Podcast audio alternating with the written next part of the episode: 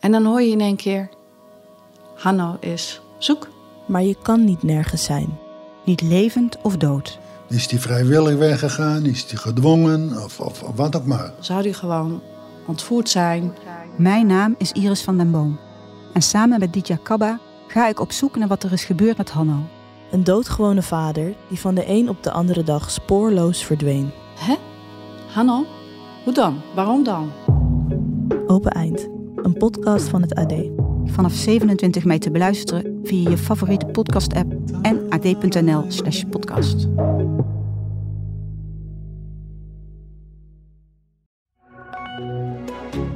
gaat om drie bedreigingen.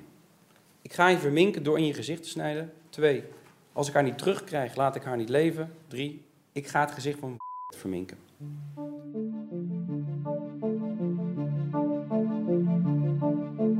Omgaan met een relatiebreuk is niet altijd even makkelijk. En de een heeft zijn frustratie en verdriet beter onder controle dan de ander. Maar wat als het uit de hand loopt en iemand uiteindelijk in de rechtbank belandt? Mijn naam is Thomas Brouwer en je luistert naar De Zaak X. Een podcast van het AD in samenwerking met het podcastkantoor, waarin we wekelijks een spraakmakende rechtszaak bespreken. Met deze week de giftige relaties van Yassine.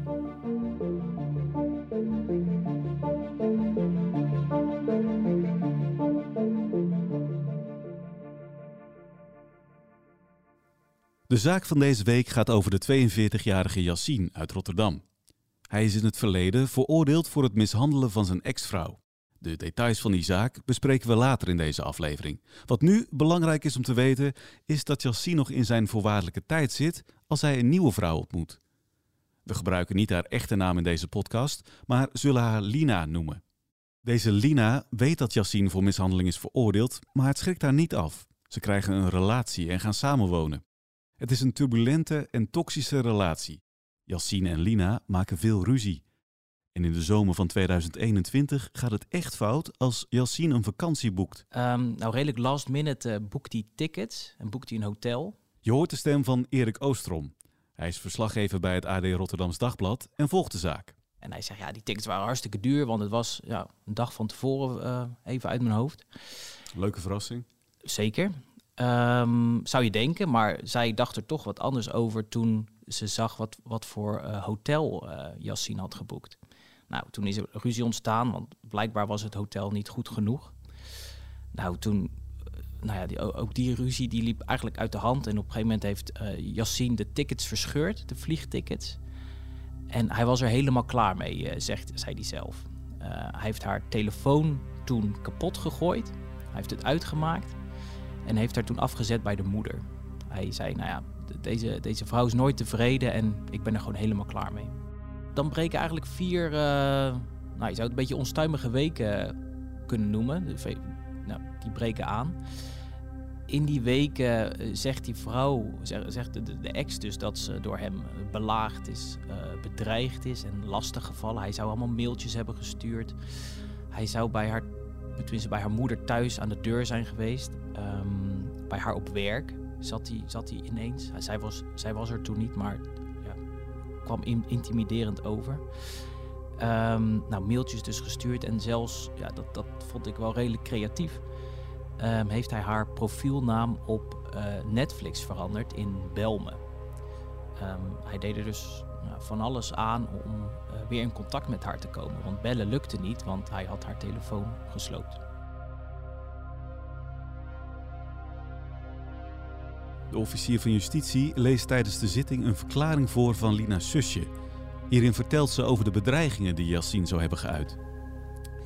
Um, en dan zegt uh, de zus van mevrouw, of zusje, dat u tegen haar zou hebben gezegd: uh, Als ik haar niet terugkrijg, laat ik haar niet leven.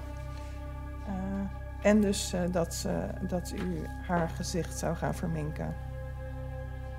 Yassine wil niet dat we zijn stem laten horen in deze podcast. In de rechtbank wordt duidelijk dat hij heel anders terugkijkt op de gebeurtenissen na de relatiebreuk. Um, hij ontkent dat. Hij zegt dat heb ik helemaal niet gezegd. Ik wilde alleen met haar weer in contact komen. Niet per se om weer een relatie te krijgen, maar hij dacht, nou ja, het is misschien wel goed om weer gewoon een gezonde verstandhouding. Een vriendschappelijke relatie uh, aan te gaan. Ja, of in elk geval niet vijandig. Ook het vernielen van de telefoon had volgens Yassine een andere reden dan Lina verklaart. Op die telefoon stonden volgens Yassine foto's van hem met Lina. Foto's waarvan hij niet meer wilde dat zij die zou hebben. In de rechtbank wordt voorgelezen wat volgens Lina de reden is dat Yassine haar mobieltje vernielde. In de aangifte, ik heb het al een beetje uh, besproken, uh, staat, uh, zegt, ja, mevrouw zegt dat u haar telefoon heeft vernield zodat ze geen foto's meer zou hebben van het letsel, omdat u haar tijdens die relatie zou hebben mishandeld. Deze Yassine, ja, wat dat betreft een, bekende van de politie. Um, een paar jaar geleden is hij al eens opgepakt voor nou, echt bizarre gebeurtenissen in Marbella. Uh, op vakantie uh, kwam hij erachter dat zijn toenmalige vriendin, of toenmalige vrouw, een, een, een, mannelijk contact in haar telefoon had staan. Een contact dat hij niet kende. Nou, toen is hij doorgedraaid, echt doorgedraaid. Hij heeft haar geslagen, hij heeft haar haren afgeknipt. En veel bizarder werd het nog toen hij haar in de auto meenam. Zij zijn naar een afgelegen berggebied gereden en heeft hij haar voor een klif gezet. Um, is hij gaan filmen. Zij moest zich uitkleden. Nou, heeft hij allerlei nare dingen geroepen naar haar. Nou, dat filmpje heeft hij rondgestuurd. Um, ja, pure, pure vernedering, uh, mishandeling. Dus daar heeft hij, uh, daar heeft hij ook al voor uh, in de gevangenis gezeten hij vertelde ook dat zijn vriendin, of tenminste zijn laatste ex-vriendin, zeg maar, um, van die zaak wist. Ja. Dus hij wist, of zij wist wat hij in Marbella had gedaan en de, met die bizarre, dat bizarre uh, tafereel bij die cliff. Um, dus ik, ja, ik kan me heel goed voorstellen dat als je dat in je achterhoofd hebt zitten en zoiets gebeurt, ja, dat dat echt angstig maakt. Um, ze zegt ook zelf dat ze uh, wekenlang um, uh, eigenlijk niet naar buiten durfde. Dat ze dat alleen maar durfde of kon als met een alarmsysteem op zak. Ze had een alarmsysteem ook? Ja, dat, dat is wat zij zegt. Um, dus ja, bij haar was de angst wel echt heel groot. Heeft Yassine ooit uitgelegd waarom het in Marbella zo uit de hand is gelopen? Nou, het, het kwam tijdens deze laatste zitting uh, ter sprake. En toen zei hij, ja, in die tijd, was jaren geleden, was eigenlijk een hele andere tijd. Ik, ik gebruikte anabolen. Um, en door die anabolen had hij een soort uh, bijeffect dat hij uh, een kort lontje had. Uh, hij werd agressief en kon eigenlijk heel weinig hebben. Um, nou, na die gebeurtenissen toen is hij zogezegd gestopt met die anabolen. Um, en hij zegt, ja, sindsdien is hij zichzelf ook weer. Is hij daarna ook nog eens, heeft hij een, soort agressietherapie gehad. dus ja, hij zegt dat hij nu gewoon goed functioneert. Maar hij zei ook wel dat hij met zijn, zijn laatste vriendin dus ook wel een, een redelijk uh, explosieve relatie had. Ja, maar zelf zegt hij dat die relatie dat dat nooit fysiek is geworden, dus nooit klappen. Um, het, het, het, maximale was zeg maar het verheffen van de stem. Dat is wat hij er zelf over zegt. Ja. Dus het was wel uh, explosief, maar meer van qua decibellen, zeg maar. Hij zegt, ik ben al eens veroordeeld voor geweld binnen een relatie. Um, ik heb de schijn tegen. Dus hij zegt, ja, uh, het voelt als een complot voor mij.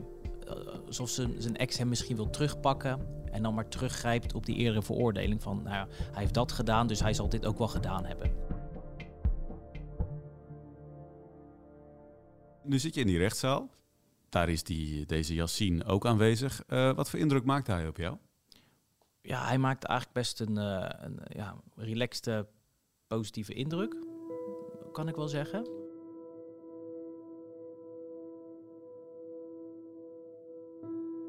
Soms, soms zie je iemand zitten en denk je... Die is brutaal, die, die, die geeft nare antwoorden of die zegt niks. Dan krijg je een beetje een naar gevoel bij. Maar met deze, deze man had ik dat eigenlijk helemaal niet. Um, en hij gaf ook gewoon netjes antwoord op de vragen. Um, dus ja, hij maakte best een goede indruk, vond ik zelf. Wat weten we verder eigenlijk van deze Yassine? Um, nou, we weten dat hij nu zijn leven eigenlijk uh, prima op de rit heeft. Um, hij is vader, heeft meerdere kinderen. Uh, hij is ondernemer, hij is dus uh, actief met zijn bedrijfje. En het gaat eigenlijk dus heel erg goed. Um, hij heeft dus die agressietraining gevolgd en verder is eigenlijk weinig aan de hand. En zijn ex-vriendin, was, hij, was zij ook aanwezig in de Nee. Nee, die was er niet. Is dat, eh, eh, is dat vaker zo dat zo'n slachtoffer dan niet in de rechtbank zelf verschijnt? Nee, eigenlijk is eh, valt het mij op dat het slachtoffer er eigenlijk wel vaak er wel is. Ehm, ook omdat het slachtoffer vaak wat wil zeggen. Die, die, die houdt dan een verklaring, die vertelt wat, wat de zaak met haar heeft gedaan. Of met, met hem of haar heeft gedaan. Ehm, dus het was op zich wel opvallend dat er hier niemand was. Het kan natuurlijk zijn dat het te, te moeilijk is, dat ze iemand niet, eh, eh, dat ze Yassine niet in de ogen wilde kijken, dat kan. Ja, nu heeft, eh, nu is, heeft het vier weken geduurd, die, die intimidatie, die, die bedreigingen volgens de vrouw. Ehm, daarna wordt hij opgepakt. Hoe is dat zover gekomen? Ja, dat, dat werd niet helemaal duidelijk, maar ehm, ik denk dat er op een gegeven moment een optelsom is gemaakt. Eh, wanneer is het genoeg om iemand aan te houden? Het is, ehm, eh, het is best wel lastig om een, een, een, een vermeende stalker aan te houden. Van wanneer heb je genoeg? Ehm, wanneer is het concreet genoeg om, om ja, echt iemand op te pakken? Nou, blijkbaar was dat na die vier weken was het zover. Ehm, en toen heeft hij ook een tijdje vastgezeten. En nou, op een gegeven moment is hij weer vrijgekomen. Eh, en daarna is het eigenlijk rustig gebleven. Goed, dan ehm, gaan we naar de vordering van de benadeelde partij. Want eh, mevrouw heeft ook een. eh, ja, die vraagt om schadevergoeding voor haar telefoon. Ehm, en zij vraagt daarvoor 927,20 euro. De iPhone 11 Pro. Ehm, omdat ja, u die kapot heeft gemaakt. En ze vraagt ook eh, om 2000 euro aan immateriële schadevergoeding. Eh, ze zegt eh, dat ze het eh, in het begin eng vond om naar buiten te gaan. Dat alleen deed met een alarmsysteem of met iemand bij zich. Ze zegt, mijn sociale leven is tot stilstand gekomen. Ehm, ze is gestopt met haar eigen bedrijf in de permanente make-up, omdat ze daar werd opgezocht door u. Ehm, en ze zegt, ja, ik had drie keer per week nachtmerries als gevolg van stalking en bedreiging. Ehm, merkte de advocaat van Yassine nog op dat het, het slachtoffer al eerder iets heel naars heeft meegemaakt in een, eh, in een relatie? Ja, dat heeft natuurlijk ook bij haar de nodige sporen achtergelaten. En het is natuurlijk vervelend dat er nu weer zoiets gebeurt in de zin van hè, verwijten naar elkaar maken. Misschien zeer hoog emotioneer, emotioneerde gesprekken en geëmotioneerde discussies, zoals de cliënt het heeft getypeerd. Maar ja, dat komt voort uit misschien bepaalde angsten die mensen hebben. Ehm, waardoor hij zei van ja, eh, wie zegt dat al die emoties van toen en al die trauma's van toen nu niet eh, terugkomen in dit verhaal? Ehm, het, is, ja, het, is, het is ontzettend lastig. Dan komt het OM natuurlijk tot een eh, strafeis. Heeft zijn eerdere veroordeling daardoor eh, invloed op gehad? Nou, wat wel opmerkelijk was, was dat Yassine op het moment dat dit allemaal plaatsvond, deze vermeende stalking, belaging, bedreiging, dat hij nog in, zijn proef, nog in zijn proeftijd zat van die eerdere veroordeling, dus van dat, al die gebeurtenissen op Marbella. Maar de offier- officier zei ook, ehm, ik ga niet vragen om die, eh, voor, om die voorwaardelijke celstraf die dus nog open staat, om die eh, op te leggen omdat het eigenlijk hartstikke goed met meneer gaat. Zij dacht dat de maatschappij er meer aan zou hebben om hem zeg maar, buiten rond te laten lopen dan om hem weer vast te zetten. Want hij is natuurlijk vader, hij is ondernemer, et cetera. Mhm. Dus dat heeft ze meegenomen. Dat heeft ze meegenomen. Ja. En wat eisten ze dan wel? Ehm, een beetje ingewikkelde som, maar uiteindelijk wilden ze dat hij niet terug naar de gevangenis zou gaan. Ehm, en dus de daadwerkelijke straf die ze dan eisten was 120 uur taakstraf. De rechter concludeert dat er alleen bewezen kan worden dat de telefoon kapot is gemaakt. Volgens de rechter is er niet genoeg bewijs om Yassine voor bedreiging te veroordelen. De mails zijn wel gestuurd, maar die worden niet als opvallend veel of intimiderend gezien. En ook Yassines bezoek op Lina's werk is niet strafbaar, oordeelt de rechter. Dan lijkt het me toch dat deze Yassine dan is vrijgesproken. Of is dat dan niet het geval? Niet, nou, niet helemaal. Hij heeft die telefoon eh, natuurlijk eh, gesloopt. Eh, die moet hij betalen. Ehm, en gezien de hele, het hele verhaal eromheen, ehm, heeft de rechter gezegd ehm, één week celstraf. Maar die hoeft hij niet uit te zitten, want hij heeft al langer in voorarrest gezeten. Toen ik daar zat, voelde ik al wel van, ah, dit is niet echt de- deze zaak is niet helemaal eh, klip en klaar van... ehm, nou, je, soms weet je zeker van, ah, hij heeft het gedaan. En dan is het bewijs zo overweldigend. Maar dat was hier niet. Ik wil het eigenlijk meer bestempelen als een soort van ja, giftige, toxische relatie. Ik heb wat stukken doen toekomen waaruit blijkt dat ze inderdaad niet zonder elkaar konden. Dat zie je vaak in dit soort gevallen. Mensen willen dan te graag bij elkaar zijn, maar door bepaalde persoonlijke kenmerken en trekken, ja, valt het altijd vlam en ontploft het. En dan is het weer goed. En dan het eeuwige duwen en trekken. Uiteindelijk is er maar één optie. En dat is gewoon dat het uiteindelijk helemaal ja, ontploft.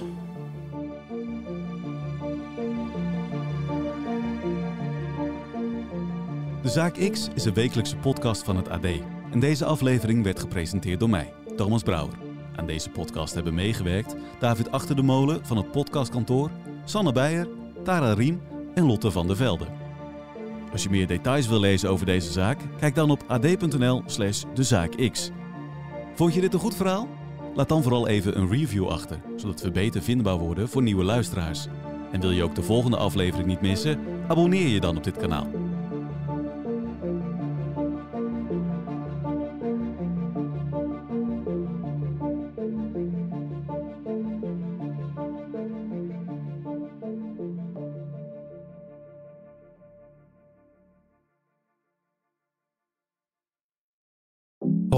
Ik ben Joost Twinkels, radio-dj bij Q Music.